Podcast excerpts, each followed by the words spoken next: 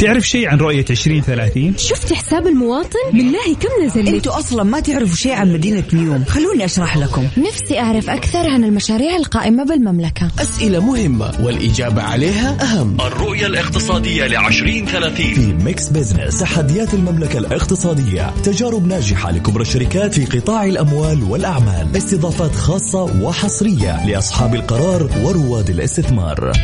الآن Mix Business مع جمال بنون ومازن كرامي على Mix FM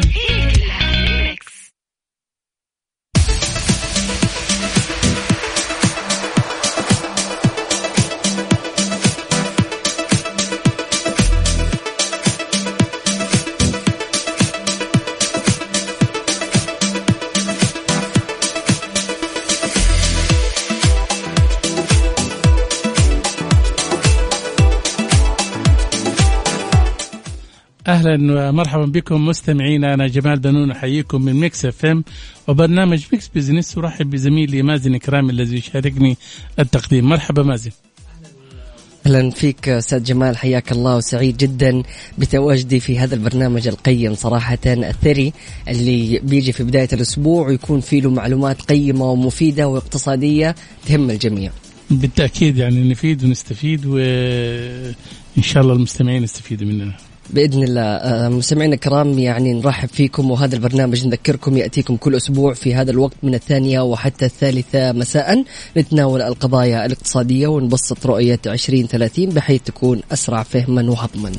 طبعا آه، مازن آه، إحنا رجعنا بعد إجازة الحج. بعد استراحة قصيرة طبعا. ويعد نجاح حج هذا العام استثنائي ومميز. تكللت جهود الدولة بالنجاح. آه، نسأل الله أن يتقبل من الحجاج حجهم ويعودوا إلى أهلهم وذويهم بذنب مغفور وعمل صالح. اللهم آمين. يبدأ هذا أو يبدأ الأسبوع المقبل تنفيذ قرار منع دخول غير المطعمين بلقاح كورونا للمراكز التجارية والمولات وكافة منافذ البيع بحلول الأول من أوغست المقبل ويشمل المنع أي نشاط اقتصادي أو تجاري أو ثقافي أو ترفيهي أو رياضي. طبعا أي مناسبة ثقافية أو علمية أو اجتماعية أو ترفيهية آه، أيضا يشمل المنشآت الحكومية أو الخاصة سواء لأداء الأعمال أو المراجعة. وأيضا أي منشأة تعليمية حكومية أو خاص وأيضا استخدام وسائل النقل العامة. صحيح آه، مازن كما تقرر عودة التعليم حضوريا للمعلمين والمعلمات وأعضاء هيئات التدريس والتدريب في الجامعات والمؤسسة العامة للتدريب التقني والمهني وتتفق آه، وزارة الصحة والتعليم على تحديد فئات الطلاب العمرية المستهدفة. يعني يعني يبدو أنه حتى الآن غير واضح مين هم اللي حيروحوا المدرسة ومين اللي حيدرسوا آه، عن بعد؟ فعلا يعني أنا أعتقد إنه يعني المتوسطة والطلاب اللي تم تلقيحهم آه، ممكن إنهم هم يداوموا لكن الابتدائية ممكن يكون عن بعد ما أعرف إلى الآن. صحيح خاصة أنه آه، حتى الآن آه، ما في لقاح صحيح. لسن آه، من أقل من من 12 سنة. صحيح. وبالتالي فهم أكيد ما حيكونوا موجودين في يعني على مقاعد الصفوف آه، في المدارس. يعني تقريبا هذه طبعا آه، يعني آه، تعليقات يعني. شايف؟ في الأخير ال- الجهات التعليمية هي المعنية بإصدار القرار. بس خليني أسألك آه، مازن آه، الأسبوع المقبل لما نقول إنه ما حيدخلوا المولات والاماكن الترفيه هذه غير الملقحين، نحن لو يعني لو تعرف الآن عدد اللي تلقوا اللقاح في السعودية وصل إلى 24 مليون. فعلا. يعني نسبة كبيرة جدا. نسبة كبيرة ولو جدا. جينا نحسب الأطفال اللي هم من عمر أقل من 12 سنة ممكن نحصل أنه في يعني أكثر من 98% من المواطنين والمقيمين ممكن أنهم تلقوا اللقاح. صحيح. فبالتالي الناس اللي ما تلقت اللقاح أظن يعني وهذا اجتهاد مني ممكن يكون اللي يعني كبار في السن ما قدروا يروحوا مراكز. العلاجات شايف؟ آه، ياخذوا أو إنهم يك- يكونوا منومين أو في علاجات. فبالتالي هم أساسا ما حيخرجوا. صحيح. تلاقيهم موجودين في البيوت. الله يعطيهم الصحة والعافية.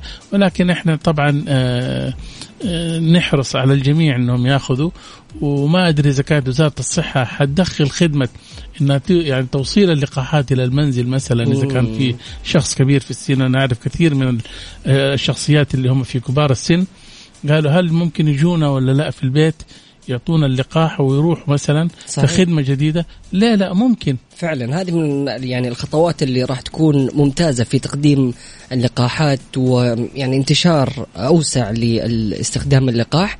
فأعتقد إنها فكرة ممتازة راح تكون إذا في فعلا حالات ما هم قادرين يروحوا للمستشفيات أو مراكز التطعيم فحتفيدهم هذه الخدمة. وخاصة أنت عارف يعني في كثير من الجهات يعني الأجهزة الحكومية زي الأحوال المدنية صحيح. والمحاكم بتوصل لنا البيوت فعلا. اللي إنجاز بعض الأعمال مثلا. شايف في توكيل أو في صحيح. استخراج بطاقة أو غيرها. فعلا. فبالتالي هذه خدمة ممكن تقدم لكبار السن بحيث إنهم إيش؟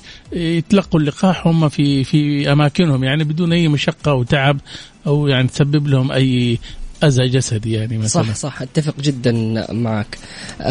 طبعا حسب التقارير لدينا الآن 24 مليون أخذ اللقاح. وزي ما تفضلت يعني 5 ملايين محصنين بالكامل. أنا صراحة يعني لسه دوبي أخذت الجرعة الثانية. إيه. والجميل إنه أخذت يعني لقاحين أسترازينيكا وفايزر. آه ممتازة أيوه أنا من ال يعني أخذت تشكيلة كذا. صحة وعافية إن شاء الله. الله يخليك يا رب. فيعني أحس إنه سبحان الله يعني الجسم بيتعود على أكثر من نوع. فقلت يعني هذه فلسفتي الخاصة وما أجبر فيها أحد. وكثيرين حاولوا يعني يقولوا لي لا خذ نفس اللقاح. فأنا جالس أقول إنه ممكن إني أنا أعود جسمي على نوعين مختلفة من اللقاح فحتى لو كان في متحور أو في فيروس مختلف ممكن إنه آه، يعني بعد الله سبحانه وتعالى يعني تفيدني واحدة من اللقاحين وطالما في تأكيدات صحية وفي تطمينات الحقيقة وفي ناس سبقونا يعني فيها فبالتالي ما يدعو إلى القلق يعني أو الخوف فعلا. يعني صح ولا لا ويعني وهذه صدرت من منظمات آه، عالمية بأهمية اللقاح وما فيها حاجة بين- يعني في الدمج بين اللقاحات فعلا. طالما أنها هي تؤدي نتيجة يعني إيجابية. صحيح. صح؟ وكمان لا ننسى الحقيقة مازن يعني الدولة الحقيقة يعني سخرت آه للحصول على هذه اللقاحات مراكز يعني في كل مكان. فعلا. اليوم إحنا يعني من خلال يعني ممكن نقول في حدود 600 موقع. صح. فعلا. للتطعيم صح. موجودة في السعودية ويعني وكلهم استفادوا منها من- سواء يعني كمواطنين ومقيمين وأيضا الإخوة اللي ما عندهم لا هويات ولا. حاجة وبالتالي يعني استفادوا من هذه اللقاحات. ممتاز. يعني صراحة في الأخير آم، هذه دولة الخير والخير بيشمل الكل ويعني في الأخير هذه المناعة المجتمعية اللي بنحصل عليها بعد اللقاح راح تخلينا نرجع للحياة الطبيعية بدون كمامات. إن شاء الله بإذن الله. بس بحذر ها؟ أيوه طبعا لازم. صراحة يعني أنا مبسوط جدا بردود فعل الأشخاص اللي رجعوا من الحج وجالسين يقولوا لي كيف يعني تطبيق القرارات وتطبيق التباعد والازدحام ويعني تفويج الحجاج. أيضا يعني كانت صراحة خدمات يعني قمة في الروعة وهذا صراحة يعكس الخبرة العميقة اللي تمتلكها الحكومة السعودية في إدارة آه، موسم الحج. وصراحة زي ما تفضلت أنه موسم استثنائي كان هذا الحج. صحيح صحيح. طيب آه، ناخذ فاصل مازن. ناخذ فاصل أكيد ومن بعد متواصلين.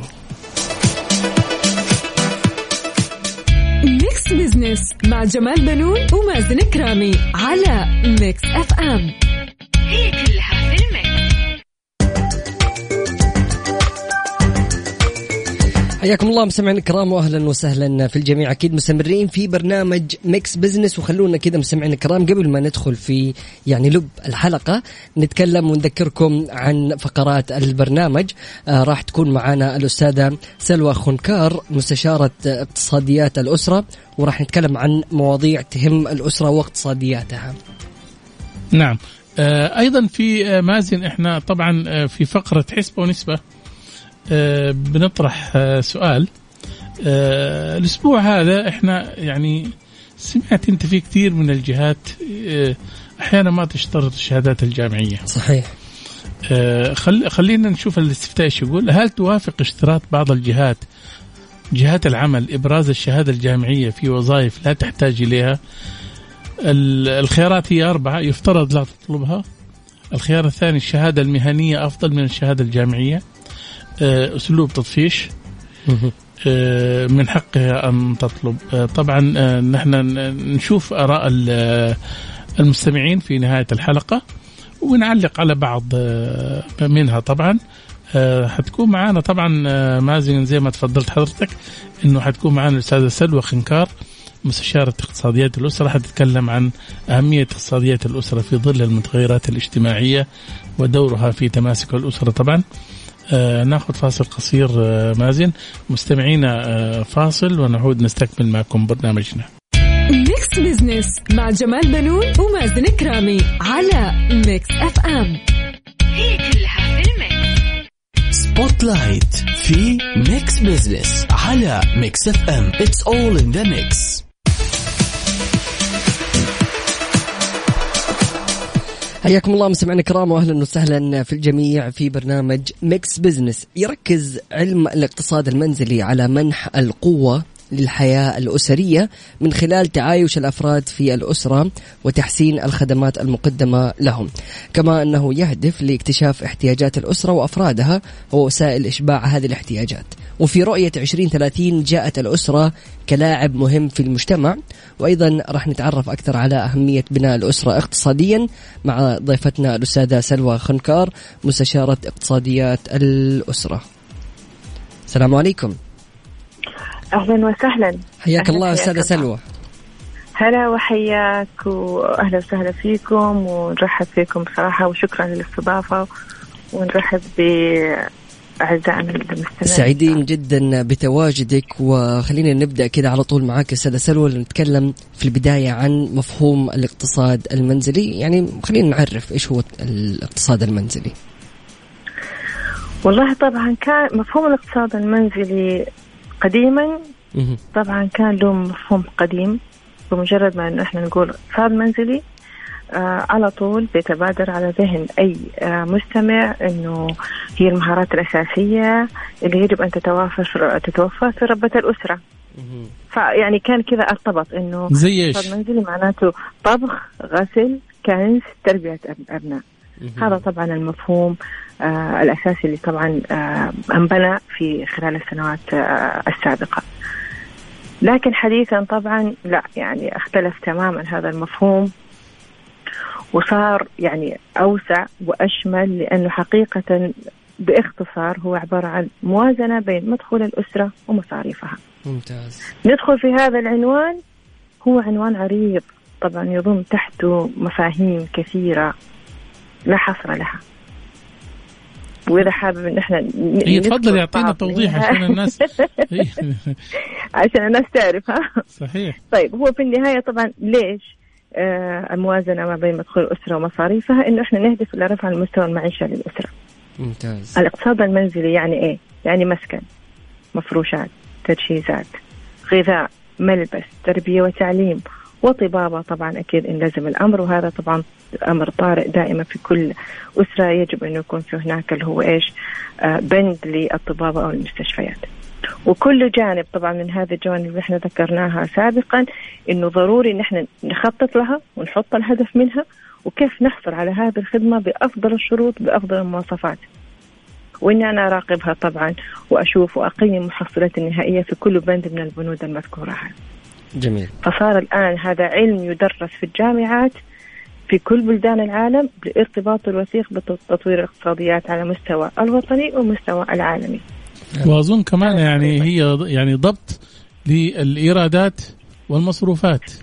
ما إحنا قلنا في البداية اللي هي موازنة نعم. ما بين مدخول الأسرة ومصاريفها. بس الآن الأسر بتمشي على هذه. النظرية؟ والله طبعا الأسر بتمشي على هذه النظرية. أنا ما حقول لك الكل ما بيمشي لكن حقيقة من الوضع الاقتصادي الراهن كثير من الأسر بدأت تتوجه إن هي بدأت فعلا تعمل آه، موازنة وتحط موازنات لدخولها عشان تقدر إن هي ترشد الاستهلاك في مصروفاتها. أنا أحس يعني إحنا معروف عننا بصراحة إن إحنا شعب يصرف مستهلك فعلا يعني هذه النقطة اللي كنت. بعقب عليها أستاذة سلوى إنه اليوم يعني خلينا نقول يعني في كثير من الأسر يعني بتتعامل على المصروفات بمستوى أعلى حتى من الدخل فممكن إن هي. تتجه مثلا القروض القروض وتتجه برضه البطاقات للأقساط الائتمانية صحيح فعلا صحيح. فهذه هذه مصروفات تكون أعلى من نسبة الإيرادات. للأسرة مو مو هذه هي الآن اللي هو المفروض صراحة العلم إنه هو يجب يعني ننشر ثقافة آه، وعي الاستهلاكي بين الأسر لأنه حقيقة صار فيها إجهاد كبير إن كان على رب الأسرة أو إن حتى لو كانت برضو الزوجة تشتغل. ما بيوفوا طلبات آه، البيت لأنه حقيقة ما عندنا آه، ثقافة آه، الاستهلاك أو ترشيد الاستهلاك. وإحنا. بيني وبينك دلعنا دلعنا أولادنا. صح. يعني أنا حتى دلعنا أنفسنا يعني بالكماليات. بالضبط في البعض أنا أعرف إنه هو بياخذ قرض عشان بس فقط يسافر صح. ويتمتع بالرغم إنه دخله مثلا ما يكفي ويجلس خلال السنة كلها عشان هو يوفر عشان هو يسدد القروض يسدد الديون. طيب إحنا من البداية نعمل موازنة لدخلنا عشان ما نص- نصل إلى مرحلة الاختناق إني أنا قاعد فقط أشتغل عشان أسدد. يعني هذه حقيقة آه، إحنا أوكي نبغى نعيش مرفهين بس في نفس الوقت استهلاكنا جدا عالي. في كل الأصعدة. طب هل هل تتوقع يعني- يا أستاذة سلوى الآن أكثر المشاكل المالية والغذائية اللي بتمر بها الأسرة هل لها علاقة بعدم التخطيط لأحوالها الاقتصادية؟ مية في المية أستاذ آه، مين معي جمال, جمال. أي نعم. أستاذ جمال. يعني مية في المية إحنا لو شفنا الآن تقريبا آه، نصف نساء المجتمع عاملات. وطبعا أكيد إنه إحنا نقول إنه آه، مكان المرأة الأول هو المنزل والاهتمام بشؤون اللي هو المسكن والغذاء وبلا بلا بلا. طيب إحنا تركنا هذا للخدم. الخدم ما حيكون عندهم الوعي. أنا إيش آه، أطبخ؟ أنا اللي موجود عندي أنا حسويه. سواء كان صحي مو صحي إلا طبعا إلى من رحم الله أكيد في بعض الأمهات بتهتم. فبالتالي هذا بيكلف الأسر مرة كثير. يعني نيجي بس لأقرب آه، شهر خلينا نقول رمضان. إحنا عندنا كمية الاستهلاك يعني تكاد تكون مخيفة بالنسبة للوجبات اللي بتكون في الفطور أو في السحور. وحقيقة المصاريف والله وأنا يمكن واحدة من الأسر لكن إحنا بنحاول نسدد ونقارب لكن مصاريف رمضان بتصل فقط في في المأكل والمشرب آه، أكثر من نص الدخل. فعلا. 200% بتوصل في بعض الأسر يعني. حقيقي. 200% حقيقي في مواسم. شيء مخ... لا وغير إنه إحنا عندنا بعض العادات إحنا ما إحنا قادرين نتنازل عنها. يعني صح. لازم أنا أجدد الفرش كله في رمضان صح. ولازم أنا أجدد المسكن كله. طب ما هذا بيعمل إرهاق للميزانية. لكن أحس اليوم أستاذة سلوى يعني هل في مثلا قيود مجتمعية؟ أو خلينا نقول يعني ضغط اجتماعي بيصير من اختلاف سلوك المجتمع اليوم بشكل عام؟ فصار مثلا الطفل اليوم عنده رغبات يبي يشوف ال- اللي حوله إيش عندهم ويبغى هو نفس الشيء. ونفس الشيء مثلا على ال- الأسرة الزوجة أو الزوج يبدأوا يشتروا كماليات لمجرد إنه عشان الشو أوف مثلا أو إنه عشان فلان عنده بالضبط. هذا أو الشيء. إنه إيش معنى فلان عنده هو هذا؟ مثلا ليش ولد أختي عنده وأنا ولدي ما عنده؟ بالضبط. مش عارفة. هذه إيوه طبعا. يعني أنا بقول لك إحنا لو قدرنا إحنا نتخلص من هذا العقدة بصراحة إنه إحنا وأربي في أبنائي كيف إنك أنت تكون قنوع بما عندك ومش لازم إن أنا أجيب لك فيما عند الآخرين. هذا طبعا مهمه فعشان كذا أنا أقول لك يعني ربة الأسرة في إيدها الكثير بصراحة من الأمور اللي تضبط عملية الموازنة. وكثير من آه، يعني الرغبات اللي ما لها داعي المفروض إن هي فعلا ما يكون لها داعي سواء حتى في التعليم. يعني أنا مثلا عندي بعض الأسر تجيني يقول لك أبغى أدخل ولدي مدرسة مثلا عالمية أو بمبلغ. طيب. وهو ميزانيته ما تسمح يقول لك أنا راح آخذ قرض من البنك. ما أنا ممكن أقدر أطور مهارات ابني في مدرسة حكومي وأدخله معاهد ولا إني أنا مثلا أورط نفسي في قروض وبعد كذا في النهاية أنا أعجز عن تسديدها. فعلا. إحنا صح نبغى نواكب ونبغى نطور أبنائنا بس كمان يعني في قدرتي واستطاعتي. ليش أنا آه يعني ألجأ إني أنا مثلا ممكن آخذ قروض وإن هي ممكن تأثر علي وتأثر على نفسيتي؟ لأنه حقيقه يعني أنا أشوف إنه صار الأب يشتغل ليل بنهار فقط عشان يسدد احتياجات الأسرة. صح فعلا. اليوم أستاذة سلوى يعني هل في لهذا الموضوع هل في مثلا قانون عام خلينا نقول بشكل شامل كذا يشمل الطريقة المثالية لتقنين المصروفات والدخل؟ والله شوف هو المفروض أول شيء نشر ثقافة استهلاك. والترشيد. هذه مهمة جدا لأنه يعني متى فعلا الأسرة جلست عملت موازنة مالية لحياتها لمصاريفها لدخلها وأن هي فعلا تحاول أن هي تلتزم بالدخل مو إن هي لا أنا لازم كل ما مثلا آه، كماليات أنا ما أحتاجها بس أنا آه، آه، يعني رغبتي إني أنا أقتنيها لازم أنا أخذها لا مو لازم.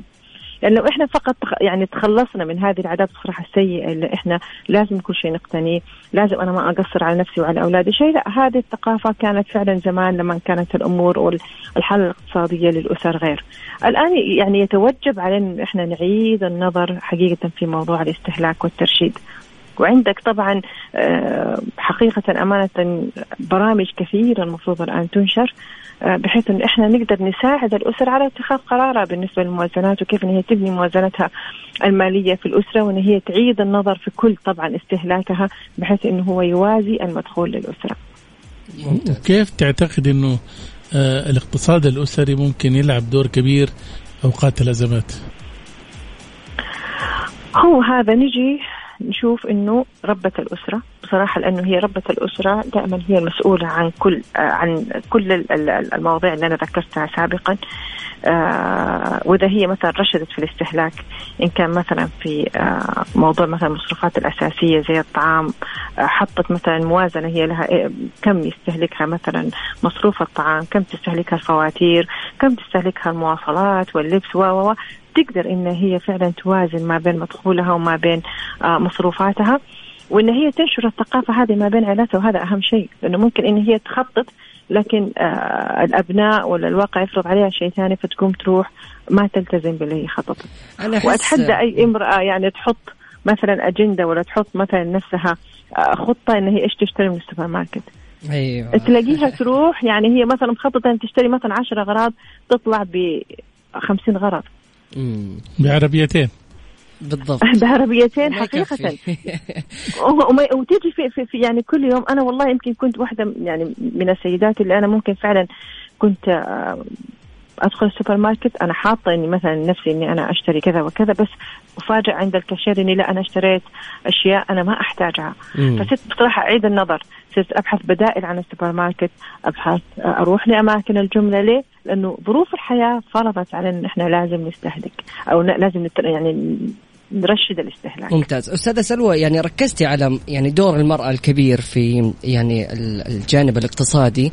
أنا أعتقد إنه هل في عزوف أنت واجهتيه أو شفتيه من يعني النساء في موضوع الاقتصاد المنزلي؟ يعني أنا أحس دائما إنه آه، نوعية كثيرة من النساء إنه يعني خلاص ما يبي يدخل نفسهم في أمور اقتصادية وتحديدا كلمة اقتصاديات هذه تكون مزعجة بالنسبة لهم وما يحبوا إنهم هم يتطرقوا لها، فهل تشوفي مهم اليوم إنه هم يستوعبوا هذه الفكرة ويستوعبوا جداً هذه المهارة؟ جدا مهمة جدا لأنه رب الأسرة ما بيهتم بالتفاصيل الدقيقة، هي لما تجي تقول له أنا أحتاج 7000 مصروف، هو ما بيدخل تفاصيلها إيه؟ لكن هي بإيدها وممكن هذا يكون فوق طاقة رب الأسرة. فبالتالي يعني بيرهقوا نفسيا بيرهقوا جسديا بيحاول يقترض عشان على باله إنه هذه الالتزامات ضرورية. لكن تجي في تفاصيلها ممكن تكون هي غير ضرورية أو البعض من احتياجات اللي هي حطتها غير ضروري. فنقول إن الترشيد يبدأ من ربة الأسرة إن هي اللي تدير هذه الأشياء الداخلية. إن كان ملابس إن كان أكل إن كان زيارات مناسبات آه، راحت مثلا فلانة عندها مناسبة سعيدة وغيره طبعا بتروح تشتري الهدية إيش نوع الهدية كم قيمة الهدية. هذه كلها طبعا التفاصيل ما بيدخل فيها الرجل.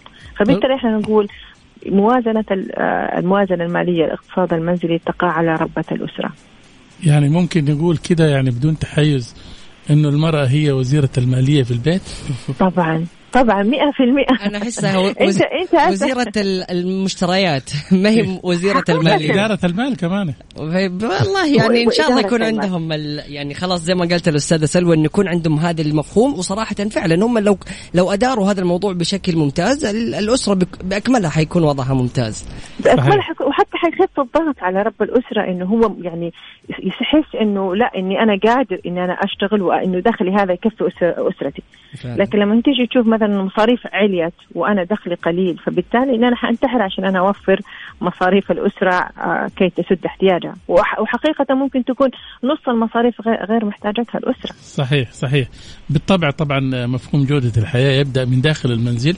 حينما يكون الجميع سعداء وإدارة مواردها المالية والتنموية والاجتماعية تسير في الطريق الصحيح. انتهى وقتنا أستاذة سلوى شكرا لمشاركتك معنا. يعطيك ألف عافية حياكم الله. مستمعينا كانت معنا الأستاذة سلوى خنكار مستشارة اقتصاديات الأسرة ناخذ فاصل ونرجع لكم Mix Business مع جمال بنون ومازن كرامي على Mix FM هي كلها في ال mix على السريع في Mix Business على Mix FM it's all in the mix حياكم الله مستمعينا الكرام واهلا وسهلا في الجميع. أكيد مستمرين في برنامج Mix Business الشوكولاتة تستقطب 35 مليون ريال من المستثمرين. صحيح آه، أوضحت وزارة الصناعة والثروة المعدنية إن حجم الاستثمار في صناعة الحلويات والشوكولاتة في المملكة وصل إلى 35 مليون ريال. آه، تم ضخها في 1066 مصنع حتى منتصف يوليو آه، طبعا آه، هذا طبعا. آه، أنا أشوف المبلغ يعني آه، قليل. قليل مقارنة بالمصانع عدد المصانع. المصانع فعلا. صح ولا لا؟ صراحة يعني توقعت إنه يكون أكبر من كذا لأنه يعني أعرف حتى مشاريع بحد ذاتها ممكن هي تدخل من هذا المبلغ مثلا جزء منه.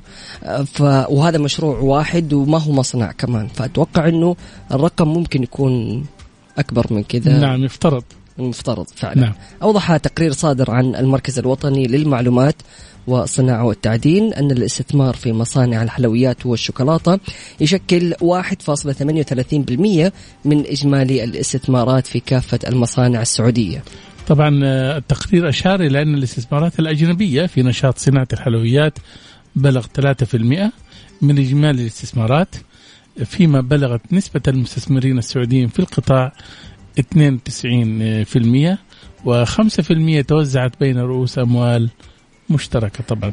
فبنشوف يعني الاستثمارات الأجنبية كبيرة يعني في صناعة الشوكولاتة والحلويات وهذا أتوقع أنه توجه يعني مستقبلي راح يفتح أبواب كبيرة ل- ولا تنسى كمان يعني في كثير من الدول اللي عندها علامات تجارية لبعض المنتجات الحلوية يعني زي الحلوات يعني آه الحلويات. آه العالمية. آه لها هنا وكلاء وبالتالي أكيد بدأوا يعملوا مصانع لهم هنا. فعلا. آه وطبعا كثير من الشركات بتعمل لنفسها مصانع هنا. تقدر تستطيع تفتح مصنع لها صح. هنا. آه إنتاجه مثلا ممكن يكون على قد السوق السعودي أو دول الخليج. فأكيد آه، زي ما تفضلت إنه استثماراتها كبيرة. طبعا. وفي غير كذا المدن الصناعية اليوم بتوفر أماكن أم، يعني مصانع كبيرة. ممكن الواحد إذا كان متجه لهذا البزنس إنه ياخذ في هذه المصانع وصراحة مصانع مجهزة بالكامل إنه يبدأ عملية الإنتاج على طول بشكل سريع. وهذا الشيء يعني ممتاز إنه خلاص في تسريع لعملية الإنتاج وفي تسريع لعملية ال ال يعني الاستثمار وضخ الأموال واستثمارها ويعني لما نشوف العوائد. فاليوم يعني فرصة كبيرة لكل الشباب اللي بيدخلوا في هذا المجال إنهم يتجهوا لهذا المجال في. ويبتكروا يعني شوف على سبيل المثال ال- يعني اليوم سويسرا آه، دولة يعني مصنعة للشوكولاتة فعلا شايف وسويسرا ما فيها كاكاو مم. شايف فعلا آه، هذه بتس- نقطة.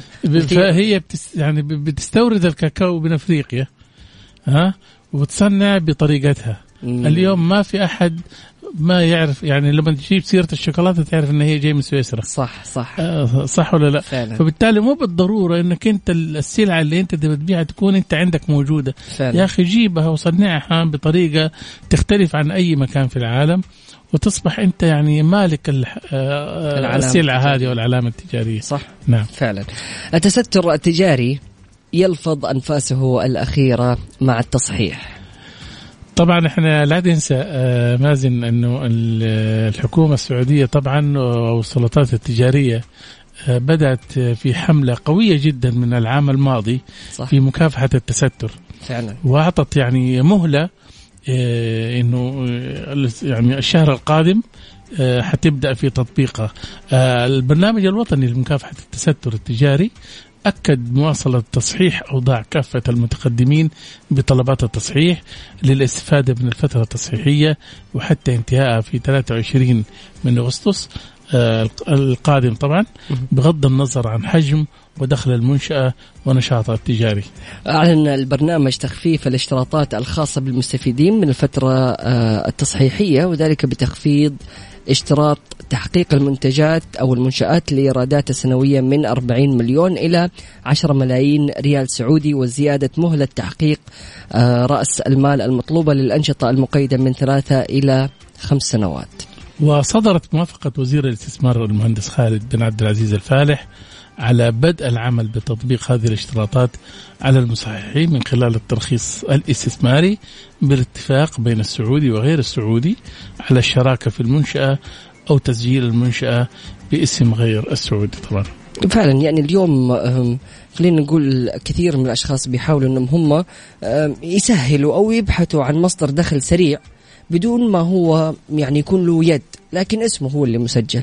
لكن في الأخير هم بيطلعوا ممكن ملايين واللي بياخذوا السعودي المتستر نسبة ضئيلة جدا. لو هو أشرف على هذا العمل ممكن أنه يترك كل الأعمال اللي هو منشغل فيها ويرجع لهذا الموضوع ويركز فيه ويلاقي أنه في دخل كبير صح. من هذا المشروع. وفي المقابل كمان الوافد بيضيع على نفسه فرصة. مم. إذا كان هو يعني يستطيع أنه يحول النشاط هذا باسمه. فعلا. شايف؟ ويضمن إنه فلوسه ما تضيع عند واحد ممكن سعودي ممكن يضحك عليه ممكن ياخذ يعني ال ال يعني ال النشاط منه مثلا بحكم إنه هي يعني باسمه فقط صح. ولا لا؟ صح يقدر ينكر يعني مثلا أنا أقول لك صح ولا لا؟ صح. فهذه فرصة كمان حتى للوافد اللي بيشتغل في النشاط التجاري في الظل خلاص يا أخي اطلع وقول لهم أنا هذه تجارتي والحكومة حتسهل لك أمرك بالضبط صح ولا لا؟ فعلا أو إذا كان في توافق بين الوافد وبين السعودي خلاص سجلوها. سجل في ال- في في- وزارة التجارة إنه هذا معايا شريك. ممتاز. بنسبة آه، معينة وهذا له نسبة معينة. فبالتالي تكون الأمور واضحة. أي شيء في الظلام هو مريب. مم، فعلا. أنا أعتقد إنه قبل كده ما كان في إمكانية إنه امتلاك آه، الأجنبي أو الوافد طبعا لل- كانت في بعض ال- يعني آه، التعقيدات شوية صح. آه، البيروقراطية اللي كانت موجودة في المؤسسات الحكومية فعلا. طبعا. لكن الآن الدولة تفهمت إنه طالما هذا واقع وموجود نشاط تجاري واستثماري موجود في السعودية وهذه رؤوس الأموال يعني تقدر يعني في حدود 400 مليار رأس مال آه، التستر التجاري في السعودية. مم. هذا مبلغ ضخم جدا. فعلا. فبالتالي أنت ما تقدر تخسره. تخليه يخرج من السوق. صح. نعالجه. صح. ممتاز. فهذه هي الآن المعالجات اللي يعني آه، أعدتها ال- ال- الجهات المختصة بحيث إنه إيش؟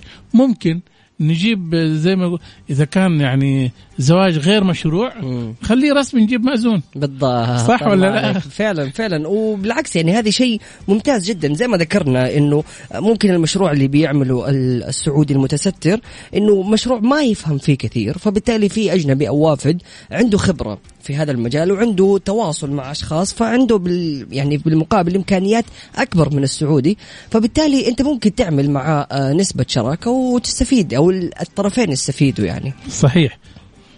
ممتاز. عقارات الدولة تطرح صندوق الريت نهاية هذا العام.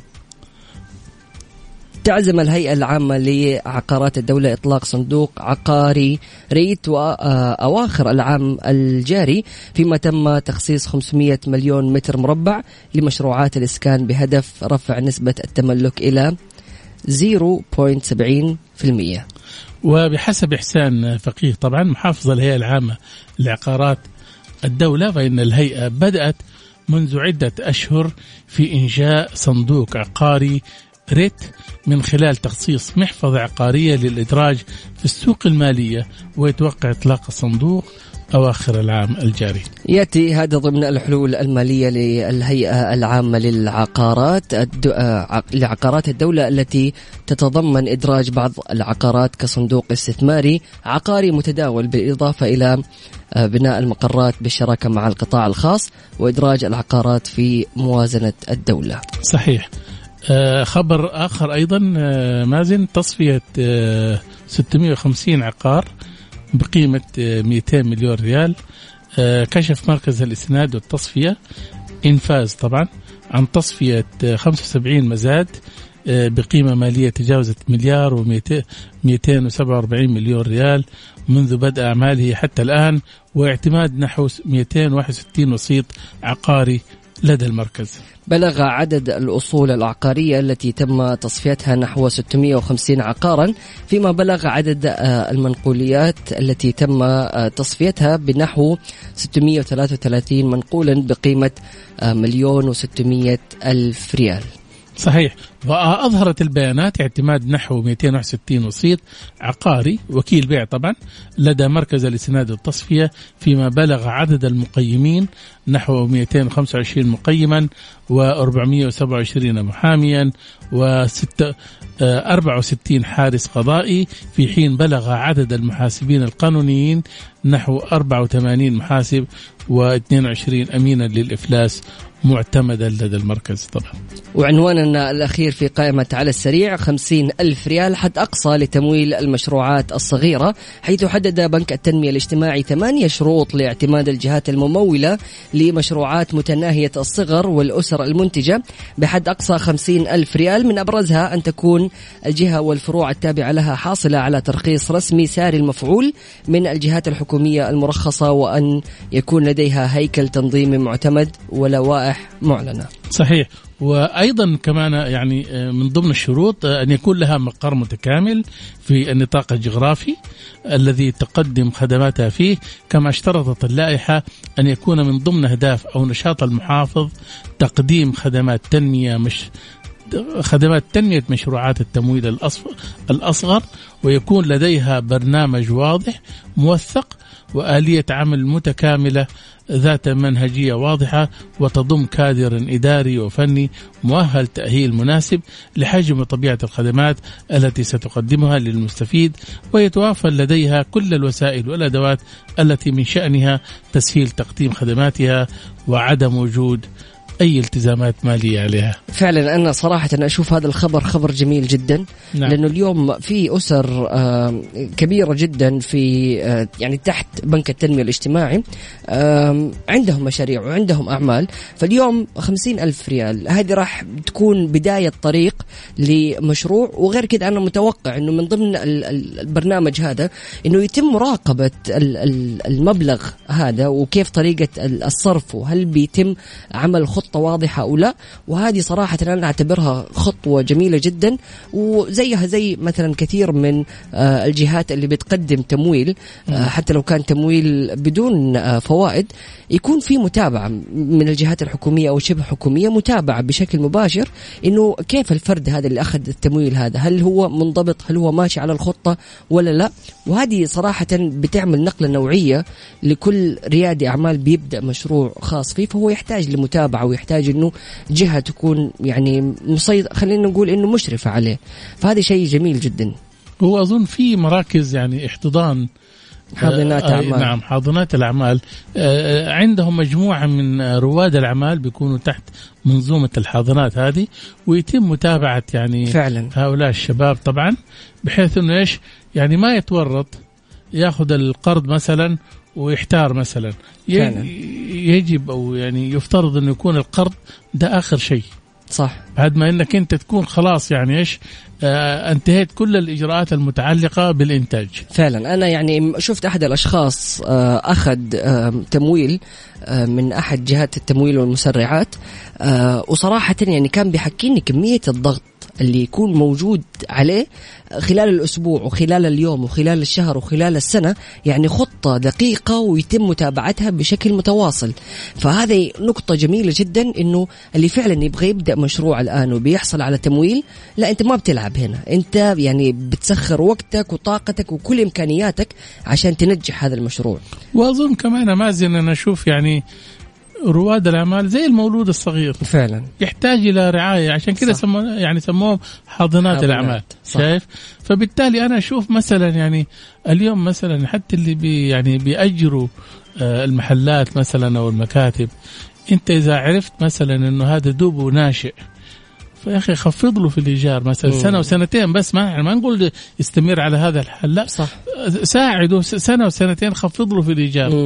هذه النقطه مرة مهمة. مثلا 30% يا أخي خفض له صح صح. أو يعني خفض له حق ثلاثة أشهر خليها مثلا بنسبة معينة. صح. شايف؟ أنا لين ما يوقف على رجوله. يعني حتى عندنا مثلا في الحي في مجموعة محلات تجارية حرفيا كل سنة بيتغير المحل نفس الموقع كل سنة بيتغير.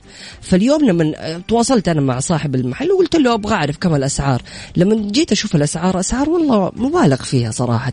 طيب يعني قلت له أنا لسه ببدا مشروع وفعلا النقطة اللي أنت ذكرتها يعني تطرقت لها إنه أنا لسه ببدا مشروع. قام قال لي والله كل اللي قبلك كانوا نفس الفكرة وكان هذا الإيجار وهذا اللي موجود. فاليوم لما تيجي تشوف إنه فعلا المحل فاضي فمعناته إنه في مثلا خمسة مشاريع وكانوا ريادية أعمال وبيحاولوا إنهم هم يبدأوا لكن الالتزامات المالية الكثيرة عليهم خلتهم يوقفوا. فبالتالي حتى صاحب المحل أتضرر إنه والله في تكرار الأشخاص اللي بيجوا وما بيستمروا فمعناته إنه المكان أول شيء يجي في بال المشترين أو اللي بيستأجروا إنه المكان هذا ما هو كويس أو كل الأشخاص اللي بيجوا هنا بيمشوا فمعناته المكان غير مربح أو غير مجدي. نعم صحيح. فنقطة وأظن مهمة. كمان حاجة ثانية مازن آه اليوم بعد الجائحة ناخذ على سبيل المثال الآن الأكثر نموا أو يعني آه، أكثر إقبال على النشاط التجاري.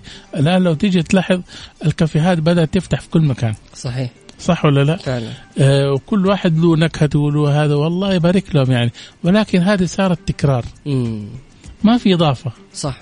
صح ولا لا؟ فعلا. فبالتالي أنت هذا النشاط أنا أقول لك ممكن سنة سنتين ياخذ وهجه. مم. هم ماشيين يعني تقريبا على الترند أنا في وجهة نظري حاليا. أيوه يعني كان قبل فترة البرجر هو اللي مسيطر على السوق وال food truck إيه. ودحين جات موجة ال- القهوة والمقاهي اللي بتقدم القهوة بطريقة بس مختلفه هذول بياخذوا قروض. صح. بياخذوا هذا. انت في الأخير مو إحنا نبغى ديمومة. يا سلام. نبغى الاستمرارية للنشاط. فعلا. وكمان ما نبغى فرع واحد فقط آه، يعني إنك أنت بس تفتح فرع واحد وينتهي لا نحن نبغى ممكن يكون واحد في جدة واحد في الرياض واحد في الدمام.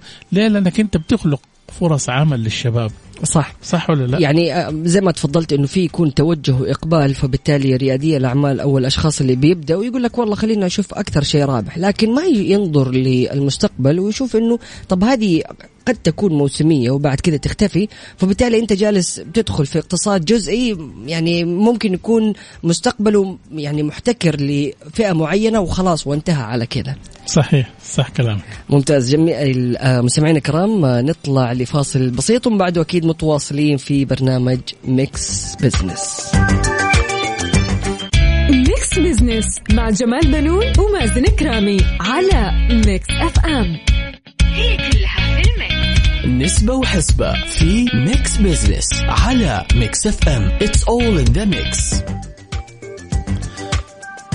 حياكم الله مستمعينا الكرام واهلا وسهلا في الجميع. آه، حسبة ونسبة بشكل سريع. هل توافق اشتراط بعض جهات العمل؟ إبراز الشهادة الجامعية في وظائف لا تحتاج إليها. النسبة اللي جاتنا آه، أكثر شيء عندنا يعني توافق ما بين 28 و 28 يفت- آه، يفترض لا تطلبها وهذا أسلوب تطفيش. جات عليه 28% الشهادة المهنية أفضل 19% 25% من حقها أن تطلب. ففي تفاوت في النسب. اي بس أنا أقول لك يعني في بعض الوظائف أساسا ما تحتاج فيها إلى شهادة جامعية بقدر ما أنت تحتاج إلى خبرة مهنية. فعلا. فبالتالي يعني الشهادة أنا ما أشوف إنه لها قيمة. آه، خليني أعطيك آه، مثال طبعا. اي بي ام عينت 15% وجوجل كمان عندها. آه، كثير من الشركات طبعا وظفت وما اشترط الشهادة الجامعية. فيبدو يعني ثقافة ال- الشهادات هي ما هي ذات قيمة طبعا. فعلا تحديدا للوظائف المهنية. مستمعينا الكرام وصلنا للختام. شكرا جزيلا لكم. كنت معكم أخوكم مازن كرامي وجمال بنون إن شاء الله نلتقيكم الأسبوع المقبل بموضوعات جديدة وضيوف جدد.